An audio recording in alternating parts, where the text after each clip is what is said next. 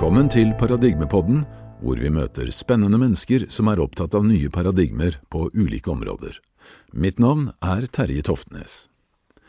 I denne episoden, nummer 19, skal vi møte en biolog som virkelig har kjempet for nye paradigmer. Dr. Bruce Lipton har vært en pioner innen epigenetikk, og i motsetning til tradisjonell vitenskap som sa at genene styrte livet i oss, så fant Lipton at miljøet var det som styrte genene, altså det miljøet som cellene omgis av og som de har i seg. Det er avgjørende for hvordan gener skal slås av og på, ifølge Lipton. Denne epigenetikken har vært banebrytende og bygger i dag opp om hvordan vi kan se årsakssammenhengene mellom ulike miljøpåvirkninger og en rekke kroniske sykdommer.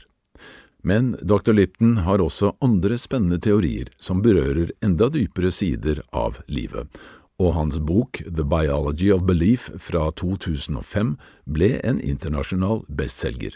Men vi lar Bruce selv fortelle hvordan det hele startet.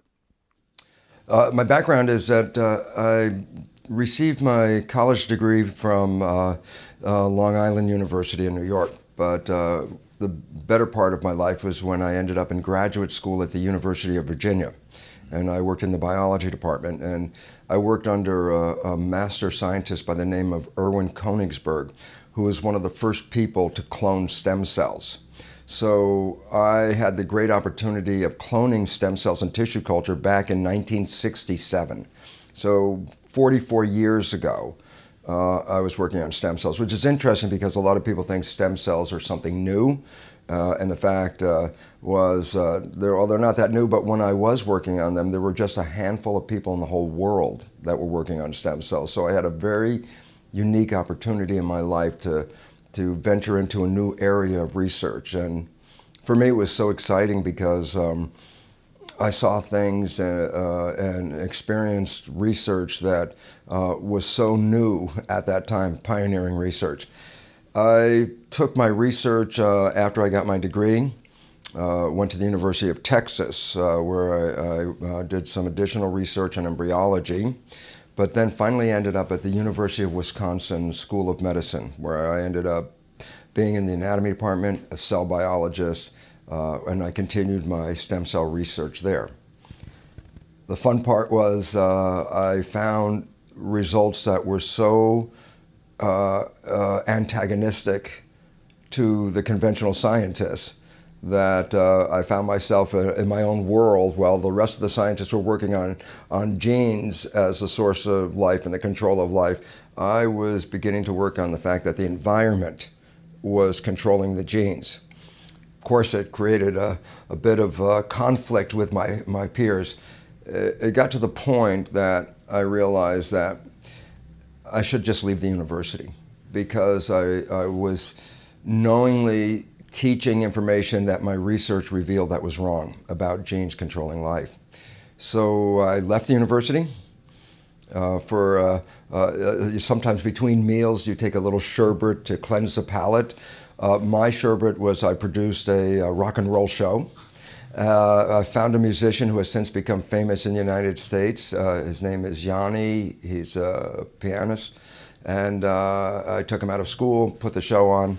And then one thing I can tell you is um, if you're a university professor, maybe rock and roll business is not where you need to go. I lost uh, all of my, my money and my life through that. And, and then the universe uh, gave me an opportunity to come back into academia at Stanford University School of Medicine. And that is where uh, I did my last basic research on stem cells, uh, enhanced and, and added to the knowledge I already had, and again was further uh, away from the conventional scientists with these results and the second time, I thought, I'm just leaving academia because it wasn't worth arguing with my peers all the time when I thought the results of the study should just go to the public. So I started talking in the public about 1985 about this new concept, which today has a name, didn't have it back then, but today the name is called epigenetics. Uh, and it's the science of how environmental signals control the reading of the genes. So um, you were really finding something that was challenging the dominating view. While teaching in a medical school, what I was teaching the students at that time was life is controlled by the genes, a concept called genetic control. Yet the research I was doing revealed that uh, genetically identical cells uh, would respond quite differently depending on which environment they were in, which really led to the understanding that the genes weren't controlling the expression of cell, but the environment was controlling expression. The primary significance of the research if genes control your life, you're a victim because you didn't pick the genes, you can't change the genes, and the genes apparently determine your life. The profound differences in epigenetics is that the environment controls the genes, and as a result, since you can control your response to the environment, then you can control your genes. So the old science was a science of victimization, and the new science is a science of mastery because it's up to the individual to control their life. Uh, they're, they're not uh, controlled by these genes. Well, up till then, uh, we believed that the nucleus of the cell was the brain. Uh, what was your discovery then? Well, one of the uh, earliest uh, projects I worked on was removing the nuclei from cell. Now, this isn't something new. This was done over 100 years ago. And I was uh, studying classical embryology and repeating some experiments from over 100 years old. And what I found, which was just so amazing, is that when you take the genes out of the cell, uh, rather than the cell dying, which you would expect, the cells continue living, many for two or more months with no genes in them.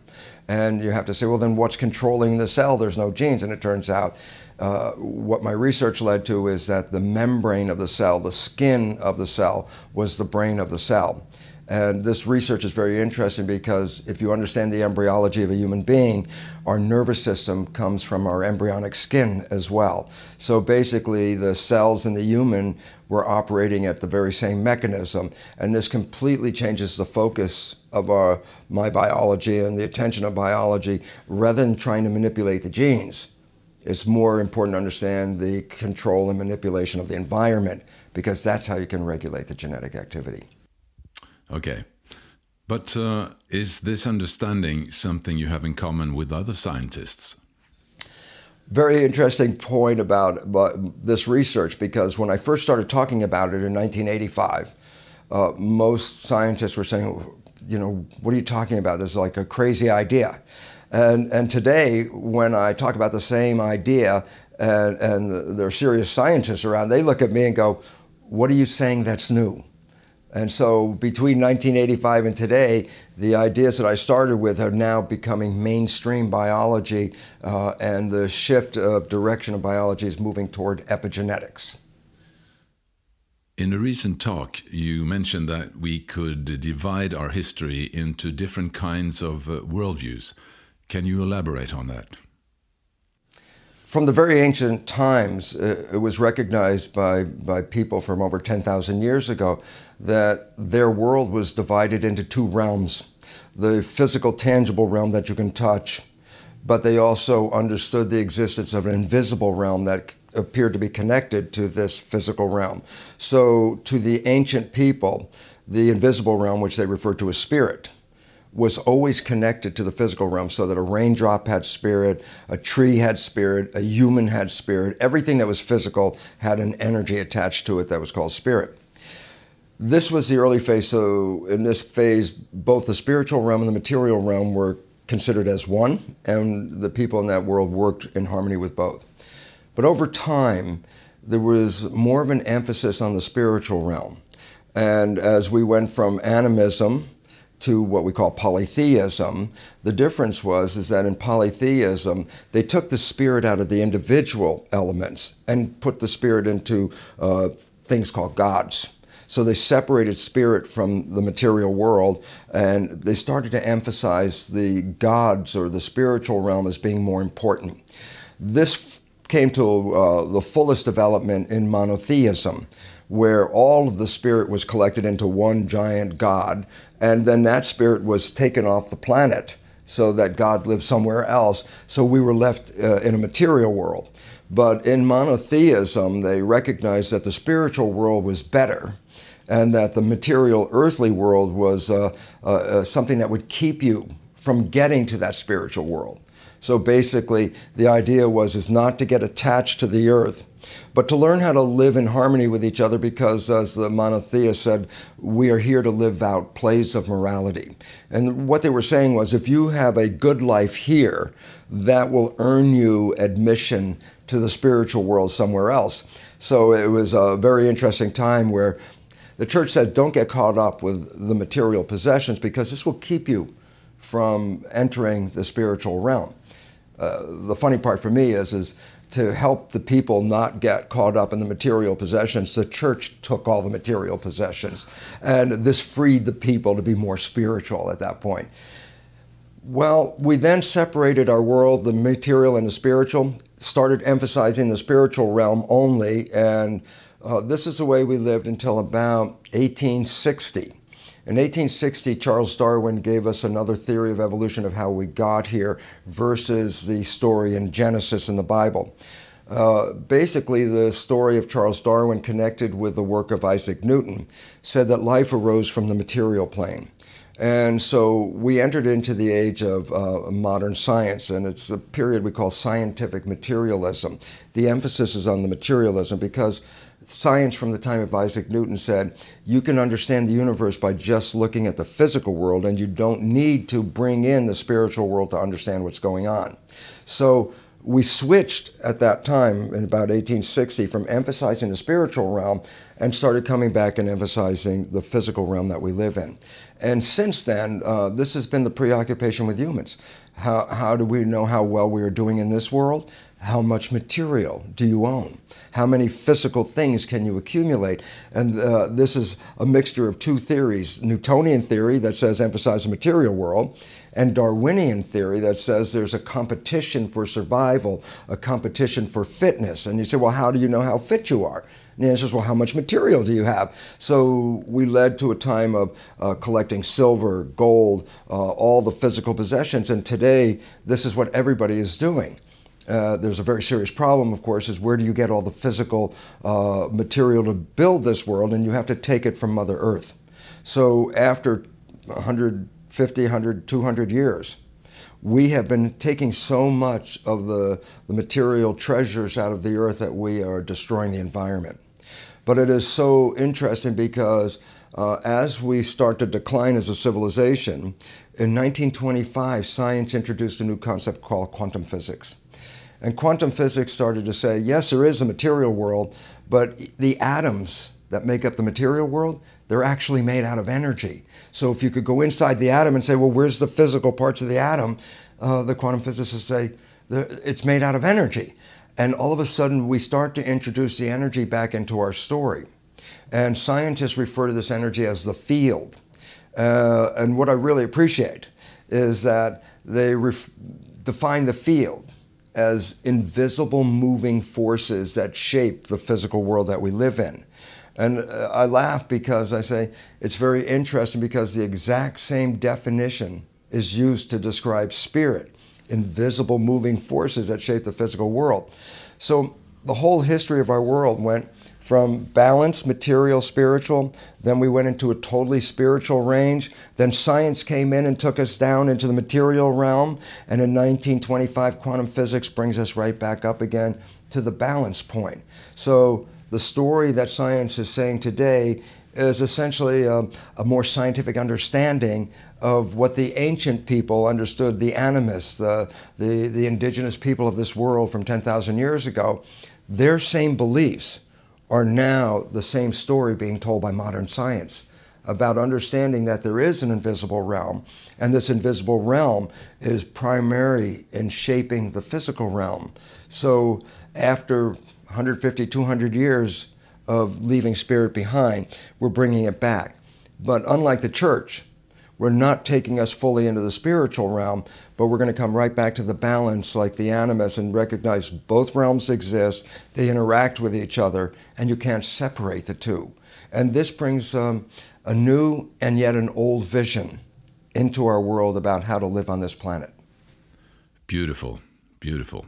Well, as you say, science now can confirm this field.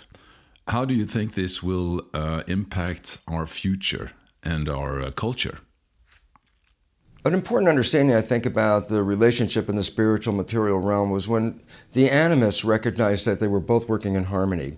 These people in these olden days understood that, that the world was much like a Garden of Eden and that they were the gardeners into this world to take care of the environment. This new information, which is actually the same from the information from before, will actually take us back into that same direction. And when humans start to recognize that we came from this garden, that if we destroy the garden as we're doing right now, we destroy ourselves. And this is what science has now recognized we are facing extinction. It's because we've undermined this planet. So if we come back to honor the physical realm and the spiritual realm and honor both of them at the same time, then we'll recognize that each human is a spiritual entity as well. And as a consequence of that, we will learn how to treat each other differently and have much more respect and honor for all humans on this planet. And so I think not only will humanity begin to grow and blossom, but through our efforts we'll bring the garden back up to the state that it was in before we destroyed it. And this is most necessary in order to sustain human existence on this planet because science has already recognized that we are threatened in our own survival because of our actions. So I look forward to a recovery. And uh, basically, what it would lead to is a peaceful, harmony world when you recognize that every human is a spiritual entity. Uh, I think at that point, peace will reign on this planet. Wonderful, wonderful. I would like to uh, go back again to the cells and uh, consciousness. How do you define consciousness and what kind of consciousness is uh, present in the cells? When we talk about the nervous system, we talk about the brain, we're talking about a physical entity, much like a radio, let's say. And where consciousness comes in, it's the show that plays on the radio. It's not physical. Consciousness has no material foundation to it. Consciousness is information. And at this time, we have to leave behind the physical parts of the radio and start emphasizing what is the show saying. And this consciousness is now recognized as what controls our life and our experiences on this planet. Very interestingly, back when quantum physics was just coming into this world in 1925, 1930, the first quantum physicists knew exactly when they were creating the theory that it is human consciousness that is responsible for the world that we live in it, they actually said that it's through our consciousness that we manifest this world. That information was very hard for the people to accept when quantum physics first came in. So, over the, well, since 1925, 1930, uh, since that time, we have essentially in the material world tried not to emphasize consciousness and still emphasizing, like in the medical world, that the body is a physical machine, it's made out of biochemicals, it's controlled by genes. So we keep looking at the mechanical aspect because it's been very hard for us to reverse this belief system uh, of just focusing on the material realm and bring back in the realm of consciousness, the realm of information that shapes our world. The information physicists refer to as the field. It's not physical, it's not tangible, but it is very influential in the material, in the material realm. Albert Einstein's, uh, uh, a very famous quote attributed to Albert Einstein is the field, which represents the invisible world. He said, The field is the sole governing agency of the particle. The particle is the physical world. So, what Einstein was talking about in regard to quantum physics is the invisible world is the primary shaper of the physical world. Well, this becomes a problem in a world where you only focus, uh, like medicine, on the physical body. Because what about the influence of that field, which includes consciousness? If you leave the consciousness, mind out of the equation, you will never understand the nature of human biology. And even in fact, when they don't want to express that the mind is involved, science has to recognize, because it's a fact, that one third of all medical healings is due to something called the placebo effect. And the placebo effect is, is a belief system. It's the belief of the patient that heals them, not the drugs or the surgery of the medical profession. Well, if we recognize one third of all healing is due to the mind, which is an invisible force which is related to consciousness, we recognize that fact. Why is it so difficult for us to take that as a foundational fact and then start building a science on what this is all about? In fact, it's not a very difficult endeavor. The biggest problem is we have an industry called the pharmaceutical industry. And the pharmaceutical industry sells chemicals and drugs. And they want to use the chemicals and drugs to affect the chemicals and genes of the body. If you come into a world where a corporation makes all its money on chemicals and drugs, and you tell them, we don't need the chemicals and drugs, we can heal it with the mind, they will be the last people to come into that realm and accept it because it undermines the entire corporate business policy. And this is the issue we're facing today is that uh, because of the influence of the pharmaceutical industry, we are not looking at the role of the mind and the role of consciousness, which quantum physicists tell us is primary. And so we're closing our eyes to a known scientific reality. Ah, great. I love the way you put it. But, um, but uh, well, the pharmaceutical industry is obviously one factor. But why is it so hard for mainstream science to accept this? A very interesting reality that most people are aware of is that there are much better ways to create energy in our world than burning fossil fuel. I say, yeah, we have solar energy, uh, we have the fusion power, we have uh, the uh, wind generators, thermal energy, we have all these things. You say, well, if we have all these things, why are we still burning fossil fuel? And the answer is because it's not in the interest of an industry that sells oil to encourage us to use another form of energy until we run out of oil. Well, the same reason applies to, to the medical field. And I say the pharmaceutical industry is interested in selling chemicals and is not interested in energy healing. And I go, well, then how come the science, the medical profession, uh, is not following this energy path on their own? And it's a very simple reason because it takes money to do science. And the money influences which research gets done, which projects are selected. And then I say, well, who's primarily involved in distributing the money? And the answer is the corporations. So basically, science is not a free and independent realm of study like it used to be in the old days. In the old days, most of the scientists were wealthy. They would do whatever they want to do for research. But today, scientists have to plead for the money from corporations. Having been in the field and having received wonderful grants, I also know how I got them. I appealed to what the corporations wanted, and that's how they gave me the money. Had I started a long time ago and said, I want to work on energy and consciousness, I would receive no money. So you say, well, why then the medical profession is emphasizing the material realm? And the answer is because the money comes from the material realm, and this shapes our science and supports their industry. Hmm. Well, um, can we go back again to uh, DNA and the genes and uh, what is doing what? Can you expand a little bit more on that? In my biological research and the research of almost all scientists, we understand how something works by taking it apart and looking at the pieces. And trying to understand how a human body works when we look at it as a machine, then uh, just like a mechanic, the idea is to take the machine apart and see what are the pieces that make it work we find that a human body uh, is, is almost like a machine made out of proteins.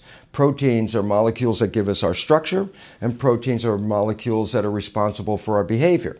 And there are about 150,000 of these very complex protein molecules, different types. The question is, where did they come from? So when scientists said, okay, proteins control life, the next question is, where do the proteins come from? That's when we found that genes made out of DNA were the equivalent of blueprints that are responsible for um, mapping the structure of the proteins. So, uh, since the proteins give us our characteristic, since the DNA is the blueprint for these, then we were led to the belief that the genes are responsible for our traits. So, we started to focus and emphasize these genes. Unfortunately, through misinterpretation of some experiments, we were also led to believe that the genes control themselves. So the entire public has uh, uh, been exposed to the belief that genes turn on, genes turn off, and when they turn on and off, they make the proteins that control our traits. And since the genes were doing the control, that's why we came to the belief that genes control our lives. The simple truth is this genes are blueprints, but if you go to an architect's office and uh, you talk to the architect who's working on some blueprints and you ask her, uh, is your blueprint on or off? Uh, she would say, What are you talking about? There is no on and off to a blueprint. And this is precisely the point that the new biology reveals is that genes are strictly blueprints. They don't have the ability to turn themselves on and off or control even themselves. So basically, the entire belief that genes were self actualizing, that they were creating the control, is totally false. That you have to have something else read the genes. You have to have something else select which genes are going to be read. So, therefore, we move from focusing on the genes as to what is it that controls these genes. Well, when we follow that pathway, we find that it's the information from the environment that is interpreted by the cell that is then turned into the control of genes. So, this is why I can have genetically identical cells in different environments. And in one environment, they'll form muscle, in another, they'll form bone, in another, they'll form fat. Same cells in each petri dish. It's only the environment that's different. Well, when we understand the environmental signals are controlling gene activity, then we understand about humans. The nervous system of the human is what reads the environmental information, and through the interpretation of what's going on in the environment, the nervous system sends signals to the cells, and these signals control the genes. So rather than emphasizing gene control, what we're recognizing is our response to the environment is what is controlling the genes. Okay, beautiful. Well, um, if I asked you uh, what is it that defines my personality as a person? Uh, what would you say? Our personality is, is a behavioral trait which is associated with the organization of our body. And I then have to say, well, we now know that environmental signals control our, our biology. This is what we're beginning to find out that uh, a fetus, when it's in the womb, a child after it's born and it's in the environment of the family, is acquiring information from the environment and adjusting its biology to that information. And when we play our biology out, this becomes our behaviors, our emotions, and the way we live our life. So it's really how we learn the, about the environment and how we learn to make a response to the environment that creates the characteristics of, of our lives. But this but this, as you say, implies that the fetus also plays a role in forming the personality. But what kind of role does the mother have? The basic understanding is that cells respond to environmental information. And when we used to talk about the role of a mother, we used to talk about the fact that when a fetus is growing in her womb, that the role of the mother is to provide nutrition, which uh, comes from the blood and crosses into the placenta and nourishes a child. So, for many years, we say the role of the mother is to uh, provide the nutrition that the best thing she could do is eat well, exercise, uh, uh, um, take vitamins and supplements. And this would be best for the child because we used to say the woman only provides nutrition and the genetics controls the development in the new science of epigenetics, it says environmental information controls the genes. And then when we go back and see the role of the mother, we say, yes, the nutrition comes from the blood. But blood has a lot more information than just nutrition. It has all the emotional chemicals of the mother, it has all the growth factors, all the hormones that are regulating the mother's body. That information crosses into the placenta. And so not only is the fetus getting nutrition, but it's receiving information, information about the environment indirectly. It's the mother who responds to the environment and changes the chemistry in her body to adapt to the environment. But that information crosses into the womb, and the information is used for the fetus to adapt its genetics to the environment that the mother perceives. It's a very intelligent plan of nature because nature doesn't have a date on the sperm and the egg and say you must come together by this certain time, uh, because nature doesn't know what's going to happen in the future. So through epigenetics, nature says, good, I'll give you the genes which are potential. And when they come together to create a new fetus, the environment will select from that potential via epigenetics. And therefore, the fetus is adapting to the world that it's going to be born into. And but how does the fetus know about that world? And the answer is because the mother is responding to that world. So the fetus is getting information before it's born about the world it's going to live in and uses that information to create the best structure or functions of the body to provide for its survival in that world. So that mothers uh, are not just providing nutrition, they're providing uh, information to shape uh, the genetics. So, very interesting point. Parents are genetic engineers. Through their interactions, they are shaping the next generation. And this is what allows nature to continuously adapt to a world that is always changing and evolving uh, because it allows the environment at the time to shape the child. What about an adopted child? This is a, adopted children create a very uh, interesting point because a lot of people believe it because of the way we thought about well genes control life and that it's completely separate from the mind uh, that belief says well then when a baby is born it's fresh. It has no programs in it. Uh, and so that if you adopt a baby it, it's it's already to be programmed. Well we already now know that this is not true, that 50% of a child's personality is already developed before it's born. So there's been a missing piece because very well intentioned parents say, Well, I'm going to take this fresh baby and I will raise it with all these wonderful beliefs and consciousness. And, and they find that there's a lot of trouble most, uh, uh, most of the time with these children.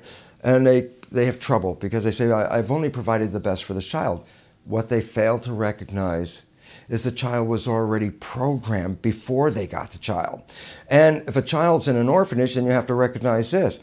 There was something that wasn't right in the first place with this development of this child because if the mother has given up the child, then the child must know through the emotions of the mother, even before she gives it up for adoption, that uh, there's loss and grief, uh, uh, rejection, uh, because this is the chemistry that the mother, uh, through her emotions, is giving the child. So, point, the child is already pre programmed.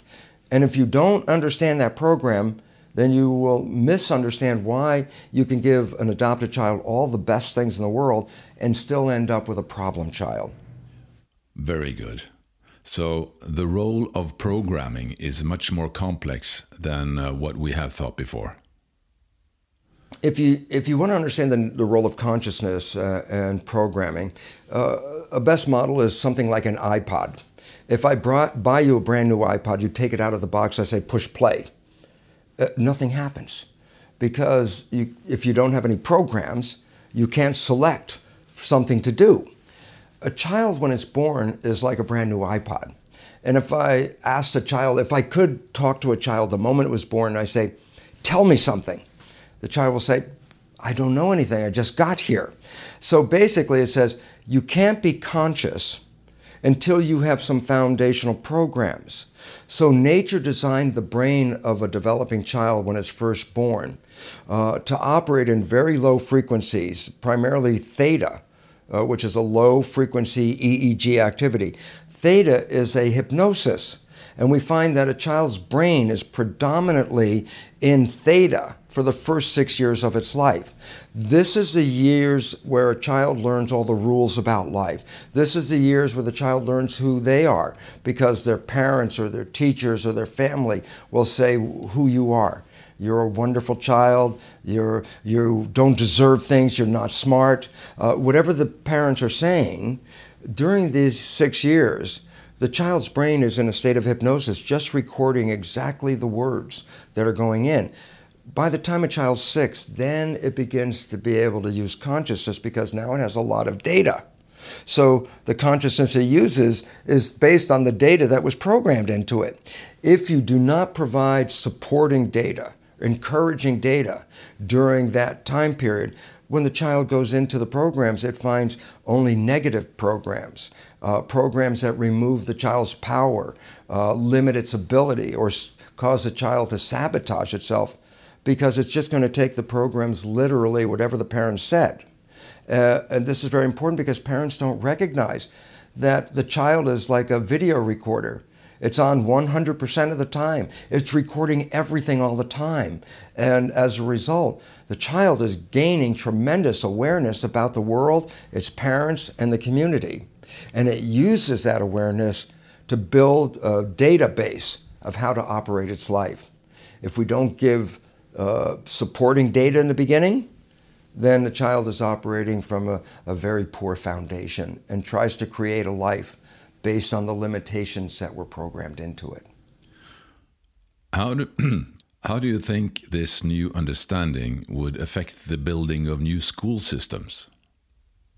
The most important understanding about the child's development and its future is really in the first six years, which is generally before schooling is involved. Uh, this is not new information. The Jesuits have known this for a thousand years. They would say, uh, You give me a child until it's six or seven, and it will belong to the church for the rest of its life.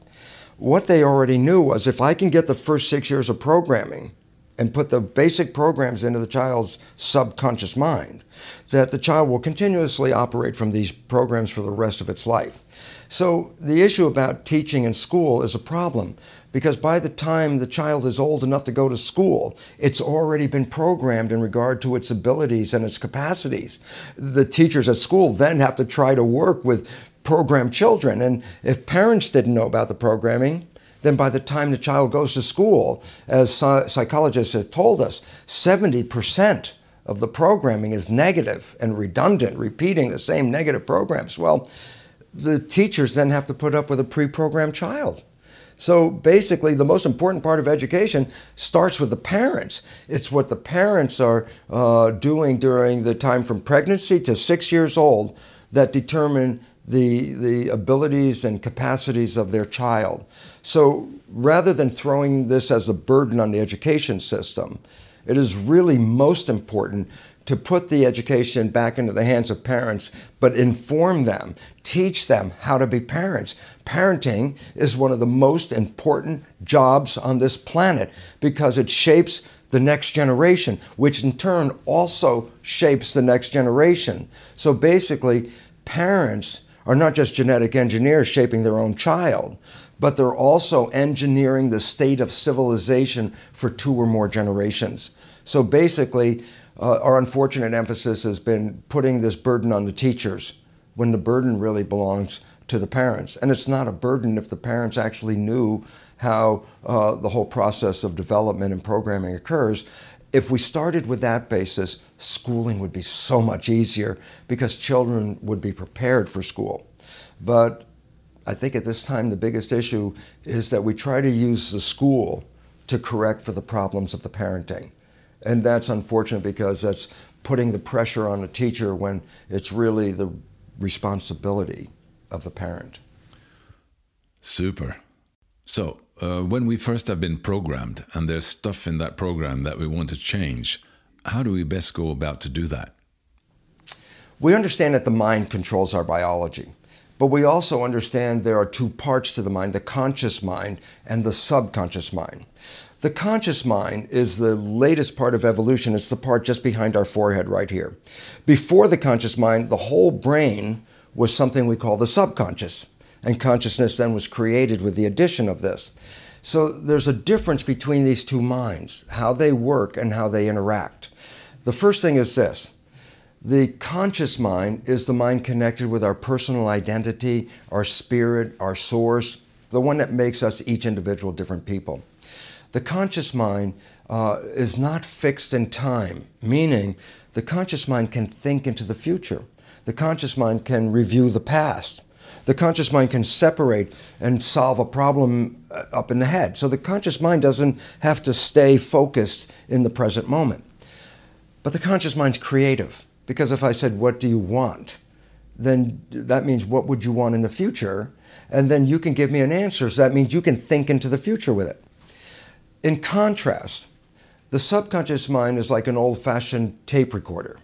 I record experiences on it, and when I push the button, the experiences replay themselves exactly as I learned them. Every time I push the button, it replays exactly as I learned it. So the difference between the conscious mind and the subconscious mind, the conscious mind is creative. The subconscious mind is primarily habitual, it's habits. So if I learn a program, then every time I push the button, I will play exact program over and over again. Well, what we're beginning to find out, and neuroscientists have shown us, that while we think we are controlling our lives with our conscious creative mind, that's the one that, for example, with positive thinking, which is creative thinking, science has shown us that we only operate our life 5% of the time with our conscious mind.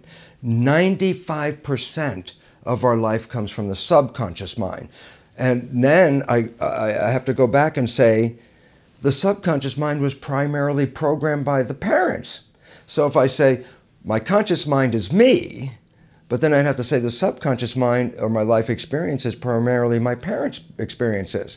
So the new science says 5% of my life I live with my wishes and my desires, my positive thinking, and 95% of my life I'm just pushing the programs, playing the same programs over and over again. So the problem is while we believe we are running our lives with our wishes, we're actually living lives programmed by other people. Then comes the big mistake. The mistake is that, oh, one mind can tell the other mind what to do. So then we say, oh, my conscious mind realizes this is not a good thing. So I talk to myself and I say, you can do better, give myself advice, big positive thinking. And then I find out it doesn't work. And then I get frustrated and angry at myself. And this makes things work because then we now don't trust ourselves. We don't love ourselves. We're angry with ourselves for not being able to live up to the conscious mind. And there's a problem. And the problem is this the two minds don't learn in the same way. The conscious mind being creative I could watch a movie like this one. I could read a book, a self help book. Uh, anyway, I could go to a lecture. Uh, I can learn with my conscious creative mind. But the subconscious mind is the habit mind. So the point is, what I learn in my conscious mind does not translate into my subconscious mind.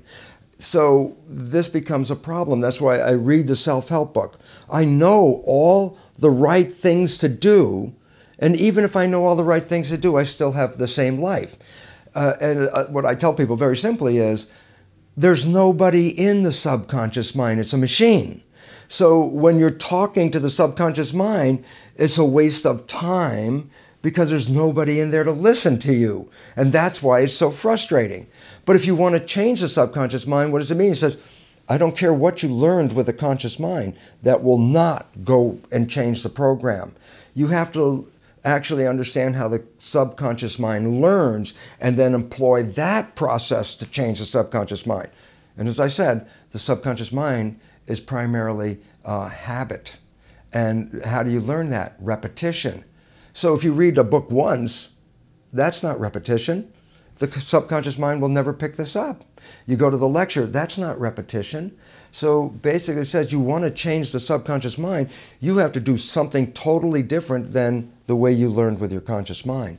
And so uh, you can change the subconscious mind by habit, by doing a, a, process and repeating it every day, every day, making sure, just like in education, you repeat it every day, and at some point the subconscious mind will learn it. Another way is hypnosis because this was the brain state of the child before six. This is how the programs got in there in the first place. So if you do hypnosis, which also includes subliminal tapes, which is also a process of hypnosis, you can do it that way.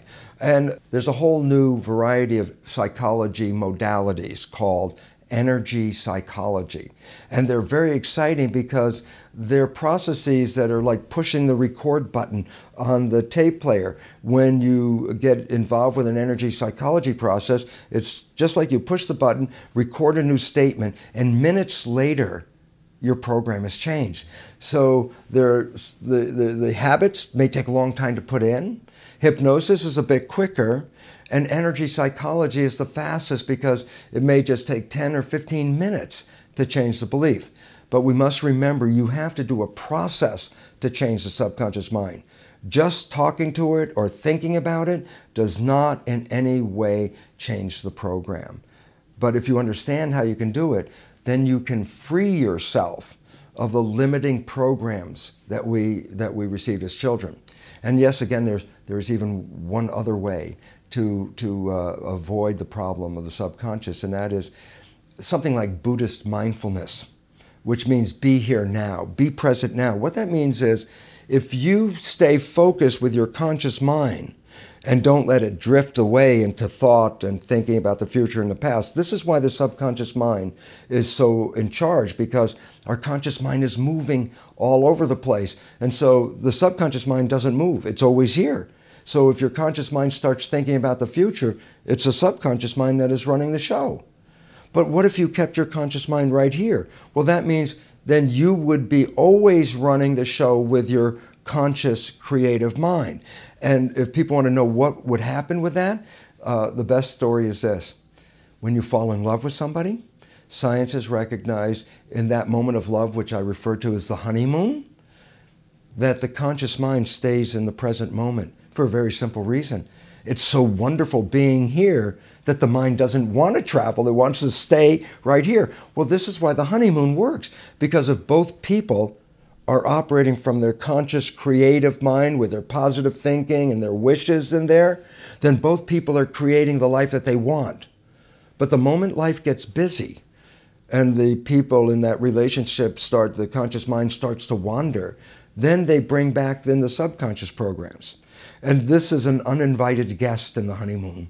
And this is when the honeymoon begins to end because two uninvited program systems start to reveal their programs, which again, most of them are negative and not supportive. So the happy honeymoon, where two conscious minds are living in it, breaks up when the two subconscious minds join the relationship. And if you want to just recognize a very important point, when we're in love, we create heaven on earth for ourselves and for those around us. And what does it mean? Well, if we just stayed conscious, we would create heaven on earth for all of us. And this is the lesson of what being in love means is it takes us out of the limiting programs of the subconscious mind. Ah, this is so beautiful. Well, you know, I mean, uh, I just love it because um, I, I could talk to an audience with a thousand, two thousand people in there, and when I say go back to a time when you fell in love, and I ask them, were you healthy? Oh, of course I was. I had more health than anything. I say, Did you have energy? Oh, I had so much energy. We made love for days without stopping for food. And I go, And how was your life? And they say, It was so beautiful. I couldn't wait for the next day to have more. I'm going, Well, would you say that was like heaven? They say, Yes. And then I tell them, That was not an accident. You created that. If you understood how you created that, then you wouldn't have to limit it to the honeymoon. You could create that as your entire life. If you took your beliefs that you were using in your conscious mind, reprogrammed your subconscious mind with those very same beliefs, that means even if your conscious mind is wandering, your subconscious mind will still be playing the honeymoon. So you would have a honeymoon your entire life on this planet. That's how it works. It's so simple. Um, well, uh, then, does this uh, conscious and subconscious mind system also apply to the cells? When we look at the body as a machine and look at all the chemistry inside the body, and then we look at the chemistry we put into our body, such as food, we would think, oh, whatever chemistry I'm putting in is the chemistry feeding the cells. And it turns out this is not true. That the cells will take on the chemistry they need to create what the mind is suggesting. So that if you have a program of, in your mind of being a sickly person, then I feed you the best diet in the world. It doesn't mean that just because I gave you good food, you're going to be healthy, because the cells will repeat or replace the, the, the, components of their chemistry based on what the mind says we're building. If the mind says I'm building a sickly body, then the mind is not going to take the good nutrients out of the food. It's going to take the toxic things out of the food to create a body that matches what the mind says. So, why this becomes important is we have to recognize that the state of the cell is really controlled by the state of the mind. It's the mind that releases the important information, such as hormones and growth factors, that regulate what the cell's genes and the behaviors are going to be. So it's not up to the individual cell at that time. But it's very interesting if I take the cells out of the body, separate them from the mind, then indeed they're much more reactive to what's going on in their environment. But I'll give you an example. Um, that uh, uh, down in the United States, in the South, we have people who work themselves up into a religious ecstasy. And they testify that God protects them, this belief that God is really taking care and controlling their lives. I say, well, how do they testify? And I say, some of them drink strychnine poison, absolute toxic poison, but say, watch, God will protect me and I will drink this poison. They drink the strychnine poison and they have no adverse effects. And it basically says, well, how did that happen? And the answer is cells and the body are intelligent. They take in what they need and they don't take in what they don't need. So when the mind is so convinced that this poison is not going to affect me, the belief that I that this is not going to come into my body, when they drink that strychnine, it doesn't go into their body. It comes in one end, goes out the other end. And so this is important to recognize that while the cells have their own intelligence and respond to the world, when they're in the human body, the same cells don't respond to the outside world directly. They first respond to the nervous system. So the control of the cell's behavior, its biology, its genetics, is not controlled by the cell when it's in the community called the body. It is now controlled by the nervous system. If the nervous system has an image of health, then the cells will express health. But if the nervous system has an image of uh, uh, I'm not a, a, healthy person, I'm a sickly person, then you'll create that. If the cells have from the brain an image that I'm going to have cancer, then I will create the cancer. So the understanding of the placebo effect is exactly this. It says, if I believe this is the medicine that's going to heal me, and I take this medicine, I'm going to get healed because I'm sending the information to my cells. And then later I find out it was a sugar pill. The medicine had no effect at all, the sugar pill had no effect at all, it was the mind. Now, to me, this is the most important fact. Yes, people know about the placebo effect. Positive thinking ends up uh, with a positive response. What they don't know is the, something called the nocebo effect negative thinking is equally powerful to positive thinking, but works in the opposite direction. So, as much as a positive thought can be used to heal me in the placebo effect, the negative thought can kill me, and this has been demonstrated. And so, the reality is, it's not just positive thinking or negative thinking, it's the power of thinking, period. And the mind will manifest whatever the thoughts are. A positive thought will manifest health, a negative thought can cause cancer, a negative thought can cause disease, a negative thought can kill you with the same power. So, when people are saying that this particular diet is uh, the right for you, are they only telling a part of the story? Absolutely. And I'm not saying don't eat a healthy diet, because if, if I'm not in a, in a good mindset to provide for the health of my body, then it would be more intelligent to make sure at least if I put something in my body, it's going to be the best it can possibly be. So it's a very interesting. It says, How much does my diet affect me? And I say, How conscious are you? If you're not very conscious, then pay attention to the diet. But if you become super conscious, it turns out you probably don't even need to eat in the first place. And you could eat the strychnine and it wouldn't bother you. So basically, if you if your consciousness is low, do everything you can to support your life, whether it's diet, exercise, uh, um, supplements, vitamins, electromagnetic field shielding, whatever these things are. But as you acquire more and more and more consciousness, you need less and less and less of the support. Since most of us are not up in this higher level of consciousness, then I say at this time we should be doing both things making sure that our environment is healthy, whole, eating organic food, eating uh, with, with the harmony of the world around us, and yet at the same time, thinking in harmony and, and, and creating beliefs of the positive nature of my life. Both of those uh, work together. And, and yet, what I can say, but there are not many people who are that conscious, if you become really conscious, the food is virtually irrelevant we don't need the food. Fantastic.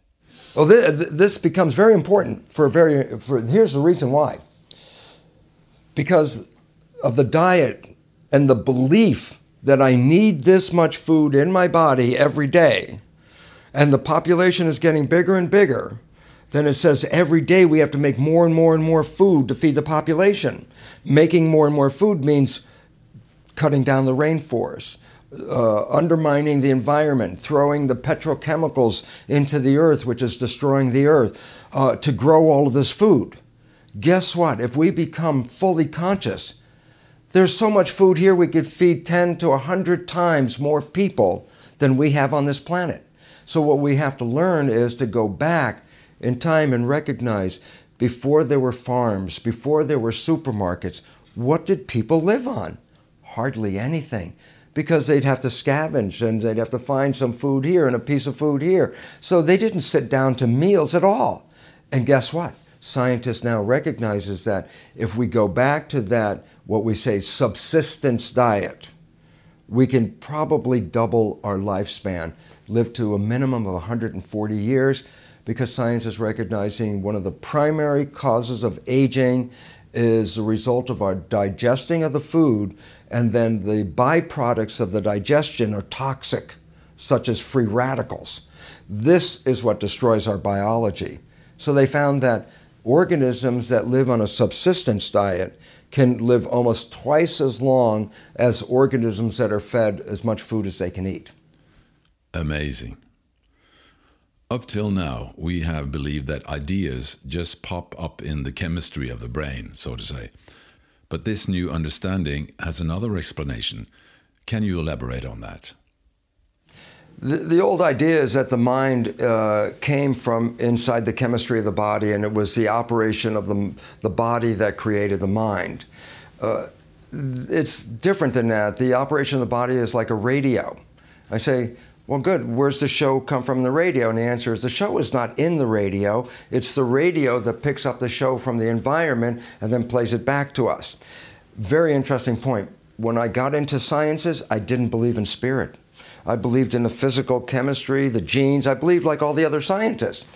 And then when I started to understand that the membrane was the brain of the cell, I also recognized something very important, and that is there are no two people that are the same on this planet. And I mean that because I can take cells out of my body and put it to anybody else's body, and they will reject my cells as not self. And you could take your cells, put it into my body, my immune system will say not self. And I say, what are they looking at to say self and not self? And the answer is, on the very surface of our cells, there are little protein antennas, like miniature television antennas. And each of us has a different set of these antennas. If I take these antennas off the cell, the cell has no identity anymore. It, it, let's say it could be a liver cell, but it's not Bruce's liver cell. It's not Mary's liver cell. Bruce's liver cell, Mary's cell, is due to Bruce and Mary have these different antennas. Once you take them off, this is just called a liver cell. And if I took your, what we call self receptors, that's what we call these antennas, and put them onto my cell, then my cell becomes your cell. So I transfer ownership. And all this is very nice, and everybody's still saying, oh, the, the proteins determine the self. And I go, the proteins are antennas, they're receptors, they're receivers. I said, well, what are they receiving? A signal from the environment. And all of a sudden, I started to recognize in my research is my identity is not inside the cell. My identity is being picked up on the surface of the cell by these antennas. So my identity is out here. And, and he said, Well, what does that mean? And I said, Here's an analogy. My body is a television set with an antenna. I am playing the Bruce show right now. And then if you're watching the television and the picture tube breaks, you say, Oh, the television is dead. And I say, Yes, it doesn't work anymore. But then I say, is the broadcast still there? You say, well, how would you know if the broadcast was there? I say, you get another television, you plug it in, you turn it on, and you tune it to the right station, and then the show is back on the air. I see this as exactly the same as our body and our identity. That the identity I'm receiving is through the antennas. If my body dies, the broadcast is still there. And, and I would say, yeah, what would that mean? I say, if you had in the future another fetus grow with the same antennas, then I would be back on the air. But then you say, well, whose body or what kind of body? I say, look, it could be a male or it could be a female. It could be white, it could be black. It's the television set, that's not the broadcast. And so basically, the body comes and goes, the broadcast is always there. And, and then the fun part is when we live our lives, the same antennas that are bringing the signals in are the same antennas that send the information back. So basically, when you're living your life, you are receiving a broadcast coming in like a, a remote control robot. And as you experience your life, you send the information back to this field again. And uh, for me, the, the, the most fun moment in my life was I asked myself a serious question because I didn't believe in spirituality. I then saw this machine like thing. I said, oh my goodness, then I must be spiritual. And then the first question that came into my mind was, why should I have both a spiritual part and a physical part? Why have both? And when I asked this question, I could feel the answer just come all the way up through my body, through my cells. And the answer I got from my cells was I asked the question, why have a spirit and a body? And my cells asked me a simple question and said, if you're just a spirit, what does chocolate taste like? And all of a sudden I realized, oh my goodness, if you're just a spirit, what does a sunset look like? If you're just a spirit, what does being in love feel like? And I realized these are sensations that are created by the cells of my body. And my nervous system translates those sensations into vibration. That's what the brain does. It converts the physical world into broadcast because I can record your brain activity out here without touching your skin. You are broadcasting. So you're sending back to the source. So if you understand it that way, then you understand what I think is the most important fact. To be on this planet is a gift. It's a gift because when we come here, not only do we create our lives, but we have the experiences and the sensations and the feelings and the love and all of this stuff. So that means as you have this opportunity to live, you should go out and see everything and touch everything and smell everything because this is where the information comes into our identity. And if we close ourselves down, which most people do, we've wasted an opportunity to live in what I would call the Garden of Eden or heaven, because heaven is a place of creativity. And this is what we're doing here. And we understand how the subconscious got programmed and learn how to reprogram it, then we will be the creators of our lives rather than the people who have programmed us.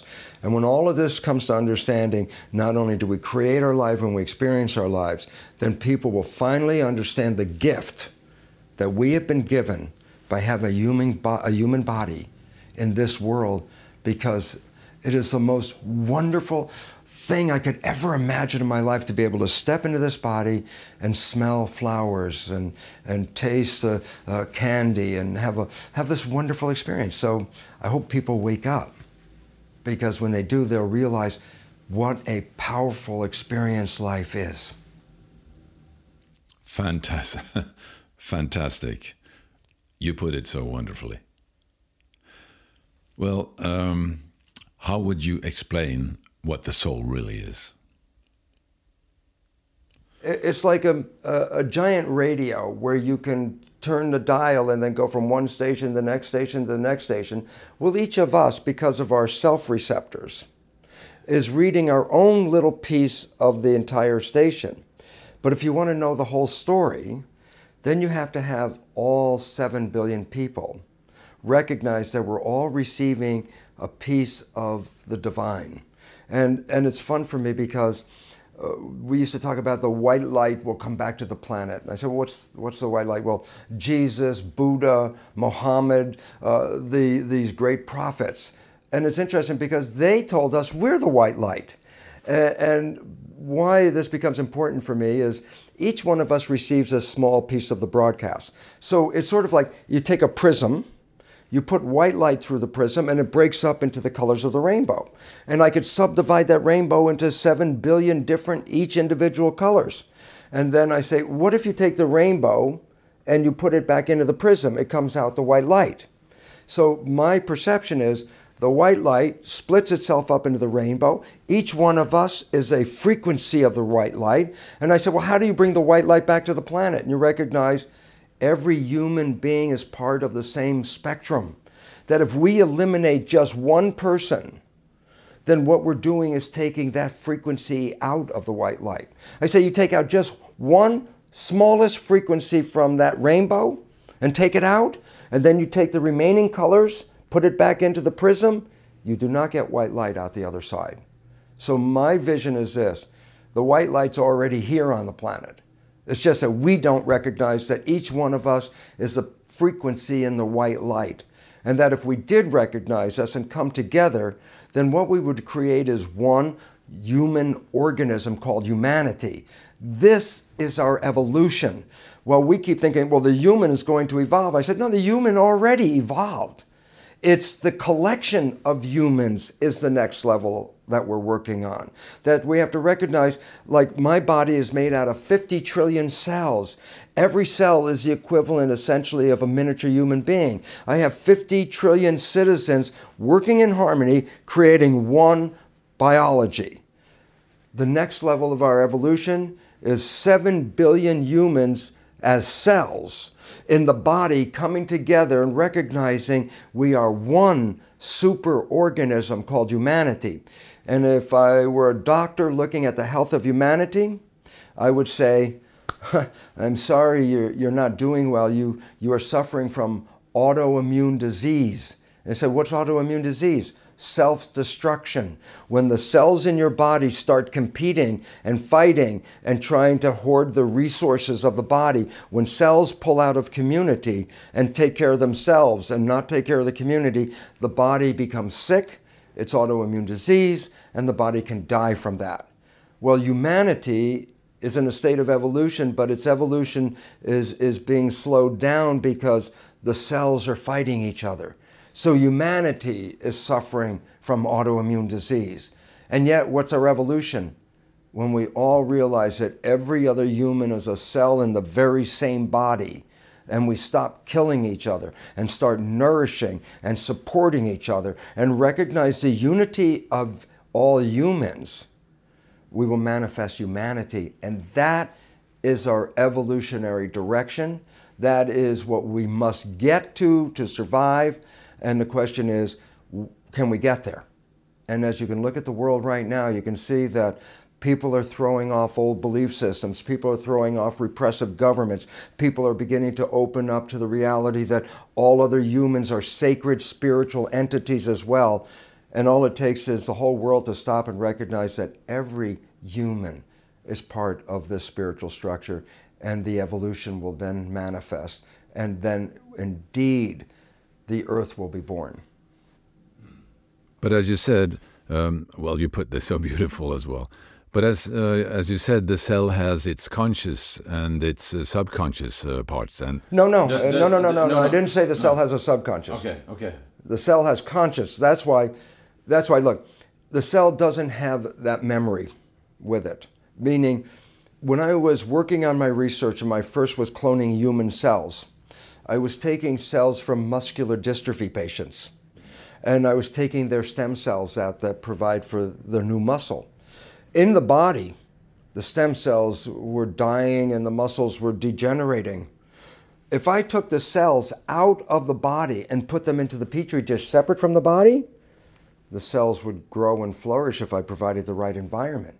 So basically said, well, what was the issue? When the cells were in the bad environment inside the body, then they became unhealthy as a complement to the unhealthy environment.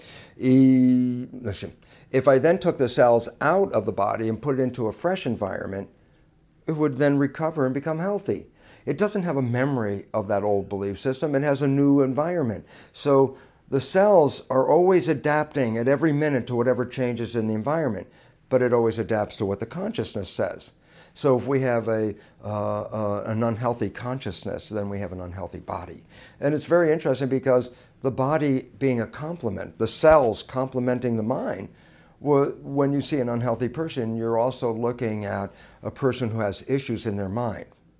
Now, this doesn't mean that there are actually some genetic issues, but they constitute less than 10%, probably less than 5% of the population. Indeed, there are people that have these genetic issues, and indeed, this is where medicine can serve these people. But it's 5% of the population. 95% of us got here with a, a perfectly intact body. When we're part of that 95% and we get sick, we can't blame the body. We have to recognize who's in charge, and that comes back to the mind. And so rather than trying to always treat the body, 95% of the cases is actually to treat the mind. When people say that it's karma, it's cell memory, uh, I came here with a lot of memory in my cells, etc. You don't believe in that? Yes, I do. I believe in this because if reincarnation is true, which I fully believe now, and there's so much data to reveal this now, uh, then it would say, well, in my life, in my current life right now, I'm receiving my spiritual information and I'm sending back information. So my spiritual information has changed over the course of my life. And you say, oh, well, then you're building up karma. And I said, you can build it up, but the day you become aware, the karma is all gone. It doesn't hold on to you and builds on you that you can't get rid of the karma. The, sm- the moment you become conscious as to who you are is the moment you clean the slate. And then it's all fresh again. So it basically says when we wake up, the karma disappears. But until we wake up, we're living out uh, history and present moment. And, and I think that it, when I started to understand the nature of this, it, I realized that life is almost like a video game. That we jump into this life and we actually do identify our parents and what we want because they're the ones that uh, shape the game. And then we jump in, we set up a bunch of uh, things to overcome, and the question is, do we evolve? In other words, when you get into the game, can you win the game? And I say, well, how do you know if you win the game? And the answer is, if you win the game, you become fully conscious of who you are as a spiritual entity, as a creator, and then all of a sudden you disconnect from the victim, the one who's been dealt a bad hand of fate. That's the part in the game, that's the player in the game. That's not the person controlling the player. When the player in the game knows that they're being controlled by the source up here, they win the game.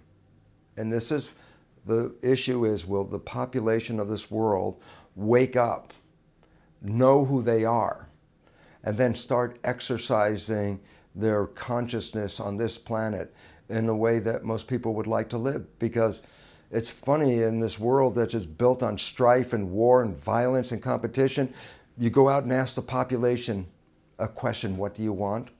My guess is 90% of the people will say the same answer. They want peace, harmony, food, a place to live, and a job. And the idea is if 90% of the people want that, then how come we don't have it in a world that's based on creativity? And the answer is because we're not creating from our belief system. We're creating from the programs that other people gave us. And that's why I'm saying if people created what they wanted, this whole world would be totally different tomorrow. So, how do, how do we get there? The answer is when they wake up to recognize who they really are, that they have been programmed, and yet they can reprogram themselves and get back to their source, then the spirit will manifest itself live time on this planet and the nature of God, which is represented by each human being as part of that, will then manifest on this planet. And something that we call the Garden of Eden will return back to this planet. And that's our destination. Why does humanity have to go through thousands and thousands of years of suffering before reaching this state of awareness? I don't think humanity has to go through this or had to go through all of this stuff because I believe at one time this is what was recognized by all the ancient people in the first place. But once people started to recognize that you could program somebody else, then what they started to do was take advantage of a situation. If I program you to be weaker, then I am more powerful, just by simple definition. So if greed gets into the storyline, then it's like, well, I want more for me, and I, you know, I don't need you. So if I can program you to be weaker, then I'm more powerful. That's why knowledge is power. The knowledge is power. Self knowledge is self empowerment. If I remove self knowledge from who you are, then you have lost your personal power. And I think this has been the issue over the years that other people have always recognized the programming. As I said, uh, the Church of Rome. They knew about this programming and they knew about that over a thousand years ago. And apparently the Egyptians knew about it as well. And that so important belief about controlling a person's life by controlling their first six years is so important that that understanding didn't disappear from this planet, but it was kept in the hands of a few who program the rest of us to be disempowered and allow their families to remain empowered. That's why uh, there's a story, Rich Dad, Poor Dad, a book. And it said if you grow up in a poor family, you will be poor all the rest of your life. You grow up in a rich family, you'll be rich all the rest of your life. What was the issue was, what was your programming? So the rich people program their children to maintain the richness of life, and they allow the poor people to keep the programs of limitation. So it really, at some point, I think it was a greed issue that took the power out of the individuals and started focusing it uh, in certain different people. And they then controlled it. And now our whole history is can we get our power back? And it's interesting because it's not coming back from a spiritual source. It's not going to a church and getting the power back. The power is going to come back through science because in the world we live in today, we don't buy the truth from the church. We buy the truth from the scientists. We say, is it scientific? Meaning, is it true? So we go to the scientists. It's always funny in my mind that in the previous civilization, when the church ran civilization, we got our truth from the people who wore the black coats. And today in the scientific world, we get our truth from the people who wear the white coats. And, and yet, wherever you buy your truth from, that truth is what will shape your life. The new science of quantum physics, the new science of epigenetics, when you put these together, provide a truth that is different than the one we all grew up with. It's the truth of self empowerment. And as people start to move in that direction, I think the entire population as a whole will remember who we really are. And it takes that memory to come back in to bring the uh, concept of a garden or peace and harmony of the environment back into our world. So I feel pretty good that we're on the right track. But I also know this is a race because science says that we're facing our extinction in the very near future, and they're not talking a thousand years, they're talking 50 years, 100 years at the most. So it says, well, there's a time clock running, and uh, will we get to this level of awareness before we face extinction? And to be honest, I don't know if we will or not my belief is I think we're moving very quickly in that direction. And the acceleration of this will go faster and faster and faster because I think we can. I think we can create the harmony that would be required to sustain ourselves on this planet. And it has to be done very, very quickly, actually. Bruce, thank you so much. This thank has, you. Thank you both fantastic. very much. This has been fantastic. Ja, en virkelig stor takk til Bruce Lipton for å dele disse spennende tankene med oss. Det var Ragnhild og jeg som sammen gjorde dette intervjuet med han for noen år siden, i forbindelse med filmen vår The Creative Play of Consciousness, eller Bevissthetens kreative spill, som den heter på norsk, som du også kan se om du går inn på nettsiden vår paradigmefilm.no. Helt til slutt så vil jeg bare si at vi har planer om mange, mange flere spennende episoder her i Paradigmepodden, som vi også har bestemt oss for skal være reklamefrie, altså ingen avbrudd av eh, reklamer innimellom. Men for å få dette til, så trenger vi altså litt hjelp og støtte fra dere lyttere, så hvis eh, dere har lyst til å sende oss en femtilapp eller hundrelapp eller hva dere nå vil, så må dere selvfølgelig gjerne gjøre det, det blir vi kjempeglad for. Og vårt VIPS nummer er 524 005. 524 005. Stor hjertelig takk for alle bidrag. Så høres vi i neste episode av Paradigmepodden.